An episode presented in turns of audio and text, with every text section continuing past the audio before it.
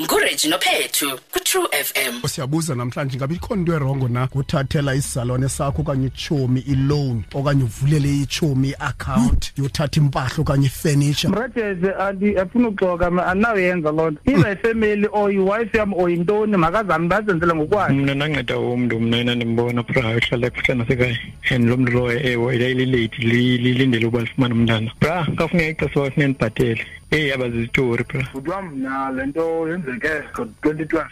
Yada ubolekela umina wakhe imali ten thousand. The last installment awayibhatelayo umina wakhe ayi-five hundred. Sona ngo-twenty fifteen ngoku. Ude sasembona kunzima umbulisa. Namna kambulisa omnye because okwebhala five hundred.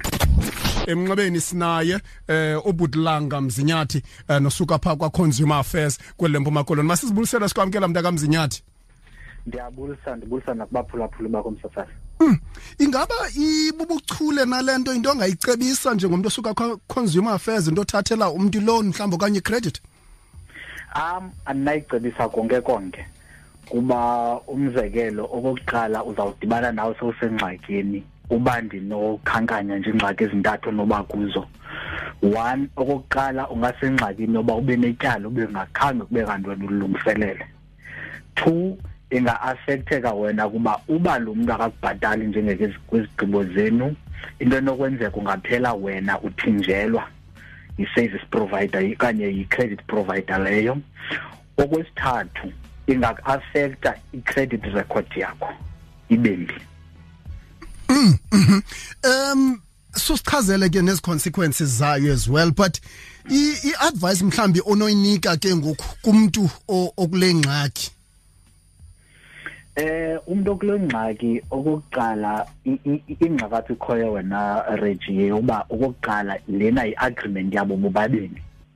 Now kunzima ke ngokwasemthethweni ukuya ku service provider to say that lento ibithengiwe okanye le loan it was meant for omnye umuntu now iphele ke ngoku ifuna imvisiswano phakathi kwaba bantu bobabini then it becomes a civil matter because ngela xesha ubusayina ububophelela wena i-credit provider le ingazi yona ngomnye umntu lo wesithathu.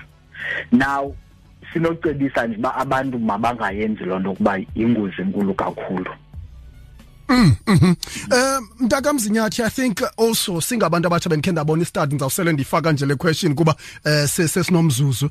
Eh singabantu abatsha sinendlela eh siyoyisakala kuphatha imali nje.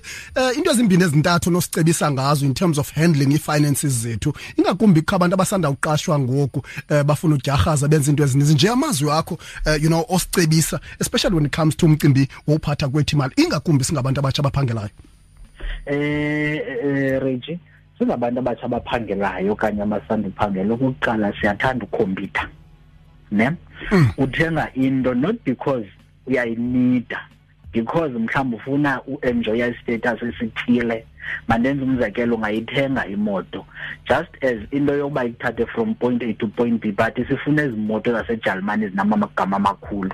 Ufumanise uba ke ngokuphela umuntu esengxakini. So into yokuqala kukubhajetha okwesibini kukujonga ii-needs zakho versus ii-wants now ii-needs zizinto ezibalulekileyo ezingundoqo apha ebomini bakho kunezinto nje ozifunayo. So zezo nto zimbini isikakhulu jonga uba zintoni ozifunayo uziprioritize ngokuzifuna kwakho ngokukubaluleka kwazo. Okwesibini bhajetha yazi uba yimalini onayo athini amatyala akho phambi koba ungene ematyaleni. Alright. Ndaka langa mzinyathi usuka kwa Consumer Affairs kwelempo makoloni. Inkosi kakhulu ngexesha lakho Bhuti man. Ube luncedo kakhulu kuthi singabantu abatsha. kubulela mna Rich True afternoon Monday to Friday 3 to 6 p.m